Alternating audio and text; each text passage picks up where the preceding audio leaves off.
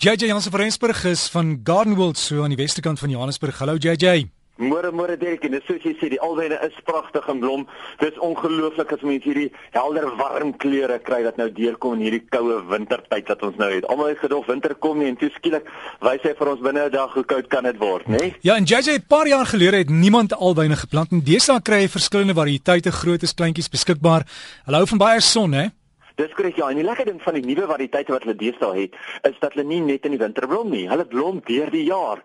So as jy nou in 'n kwekery instap en skielik sien jy daar's 'n nuwe variëteit wat dubbel die pryse van die gewone oues en jy wonder nou hoekom is dit? Is dit omdat hy vir jou konstant in blom kan wees? Jy weet, jy gaan omtrent 6 maande van die jaar blomme uit om kry in plaas van net hierdie maand of 2 maande wat ons in die winter het. En natuurlik is dit mos so lekker want hy lok al die suikerbekkies. Kan jy dink watter fees hierdie suikerbekkies op die oomblik met al die alwen blomme wat op die oomblik in blom is en al daai sappe wat daar so is. En JJ mense is nie bewus daarvan dat daar baie navorsing in plante ingaan voordat hulle in die kwekery uitkom nie. Dis hoekom hulle hierdie nuwe variëteite beskikbaar het, maar dis miskien 10, 15 jaar se werk wat al reeds in die kweek daarvan ingegaan het, né? O nee, definitief. En natuurlik, sodra mens natuurlik kruisbestuiving of enigiets van daai aard doen, moet 'n mens 'n hele paar jaar wag om te kyk wat is jou eindresultate. Jy kan nie hierdie jaar kruisbestuif en dink hy gaan vir jou volgende jaar blom nie. Jy wag baie keer 4, 5 jaar en dan moet jy nou kyk is ek gelukkig met hom is ek nie en dan moet jy nou weer begin kruisbestuif. Dis hoekom baie keer ek het eendag gepraat het met oom Ludwig van van Ludwigsrose.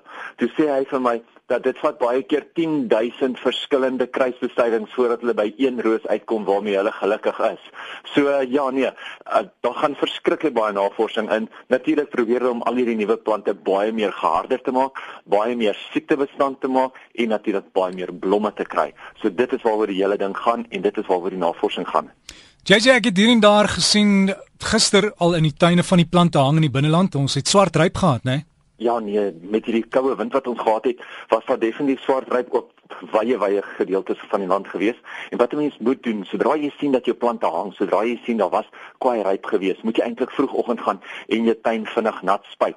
Al daai plante net ontdooi voordat die son op hulle skyn, want dan kan jy eintlik jou ryp skade baie minder maak. Maar iets wat baie mense vergeet om te doen, is om te kyk waar kan hulle wind skerms plant? Waar kan hulle immergroen struike plant wat 'n sekere hoogte word of immergroen bome plant wat 'n sekere grootte word om eintlik die wind te skerm? Want onthou, saam met die swart ryp is dit eintlik die wind wat hom baie koud maak. Baie keer dan kry jy dit dat die weerbureau vir jou sê dit gaan 3 grade wees, maar dan voel dit jou baie kouer omdat die wind waai, want dit is mos soos die Engelse praat van daai chill factor. En dit gaan oor die wind wat eintlik die area baie kouer maak as wat dit eintlik moet wees.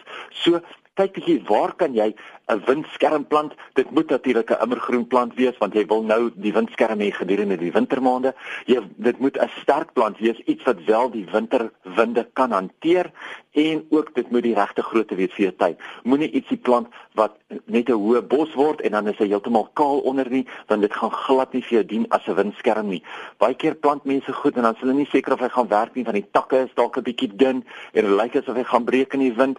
Dis dan wanneer jy mens daai takke bietjie kan terugsny, bietjie van hy massa kan ontslaa raak sodat die windskerm nog steeds daar is, maar dat die takke self kan sterker word in die wind. Wat 'n mens wel nou nie moet doen nie, is 'n mens moet nou nog nie jou plante begin terugsny vir die winter nie. As ek nou praat van die terugsny waarvan ek nou net gepraat het, is dit net vir 'n bietjie vorm. Dit is nie jou winter snoei nie. Moenie jou plante te vroeg al snoei nie. Ek praat nou spesifiek van jou rose. Ek praat van jou vrugtebome baie van jou bladwisselende plante, jou jou Kersrose, as jy hulle te vroeg sny, gaan hulle te vroeg uitloop en gaan jy sukkel dat hulle weer brand in die winter. So wag eers net so tot omtrent die einde Julie se kant, uh, middel Augustus, voordat jy regtig sterk terugsny en dan kan jy maar terugsny.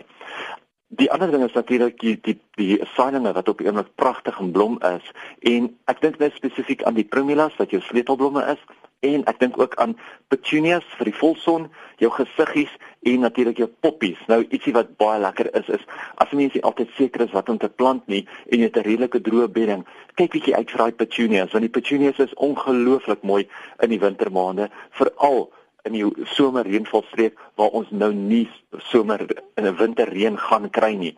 In die winterreënvalstreek, kyk maar vir 'n droë bedding, daar waar jy nie baie water gooi nie of daar waar hy nie baie lank nat bly nie, maar natuurlik vir die volson Petunias is een van daai wenners.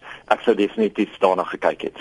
JJ, ons het nou nog gepraat oor die alwyne. Iemand vra hier van die nuwe kruisings. Lyk my hulle is vatbaar vir 'n tipe kanker. Is dit waar en hoe kry mense dit dan af of weg? Ja, nee, hulle is definitief vatbaar vir kanker, maar dis nie al die uh, al die nuwe alwyne nie. Enige alwyn is vatbaar vir kanker. En ons regtig net een ding wat mense kan spuit. Die produk se naam is Samba.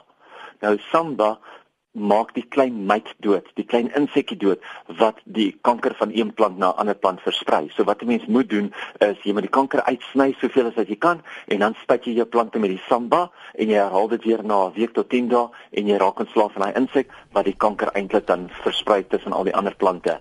Maar weet jy Derek, dit is nie net met die nuwe variëteite nie. Dit is baie keer nou net omdat mense meer van die nuwe variëteite sien wat mense dink dit is net met die nuwe variëteite, maar kanker kan op enige plant voorkom en jou alwynkanker kanker kan op enige alwyn voorkom. Ongelukkig is dit net die samba wat 'n mens kan spuit en ongelukkig moet jy hom uitsny voordat jy hom spuit. En JJ is dit S A M B A.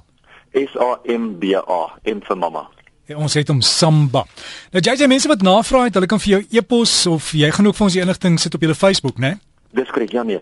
Mense kan definitief vir ons e-pos of vir my e-pos jammer of hulle kan op Facebook gaan loer. Garden World, jy sal ons maklik kry op Facebook en ons Facebook bladsy is deesdae so interaktief en so lekker, pragtig, mooi. Jy sal sien dit wat ons alles daar opsit is regtig interessante wenke vir hierdie tyd van die jaar. En jou e-pos JJ? My e-pos is JJ, dis JJ by Garden World .co.za. So gesels ons met JJ Jansen van Rensburg. Daai e-posadres vir hom is jj by gardenworld.co.za.